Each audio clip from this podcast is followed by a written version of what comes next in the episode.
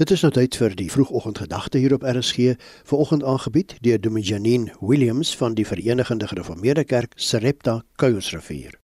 Goeiemôre familie. Ons laaste deel oor Bybelse beloftes gaan oor die ja en amen van God se beloftes. Ek lees 2 Korintiërs hoofstuk 1 vers 20 wat sê: Jesus Christus is die ja van God die ja op al die beloftes van God. Daarom is dit ook deur Christus dat ons tot eer van God daarop amen sê. Ons het die afgelope tyd baie moeilike tye en vrese beleef. Vandag gaan ons vir 'n oomblik nie op ons probleme fokus nie, maar op die verheerliking van God en die verkondiging van sy goedheid. Die hoofdoel van hierdie brief aan die Korintiërs is om vir God opreg te bedank en te loof vir sy troos, sy hulp en sy vele kosbare beloftes waarvan ons hierdie week gehoor het. Die Here is die anker van jou siel en die bron van jou stabiliteit in 'n onstabiele wêreld. Dit was God wat jou tot hier toe ondersteun en gedra het.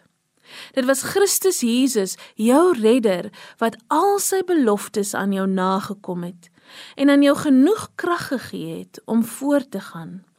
Die oneindigende liefde van God is so dat sy beloftes nooit in Christus misluk nie. Daarom kan ons vandag en altyd met groot vreugde juig en amen uitroep tot die heerlikheid van God. En al die beloftes wat die Here maak, het ons die versekering dat elke liewe een waar sal word. Die Here Jesus het na die aarde gekom as 'n sondevervanging vir die mensdom. En hy het alles wat die Vader beloof het kom vervul sodat ons van die vloek van sonde deur geloof in hom bevry kon word. Dit is om hierdie rede dat ons uitroep amen wanneer ons aan die kosbare beloftes dink wat namens ons deur Christus uitgevoer is. Mag ons nooit ooit vergeet dat Christus se offer aan die kruis die stempel op al God se beloftes aan ons geplaas het. Want al die beloftes van God in Christus is 'n absolute ja en in hom 'n juigende amen tot die heerlikheid van God vir ewig en ewig. Amen.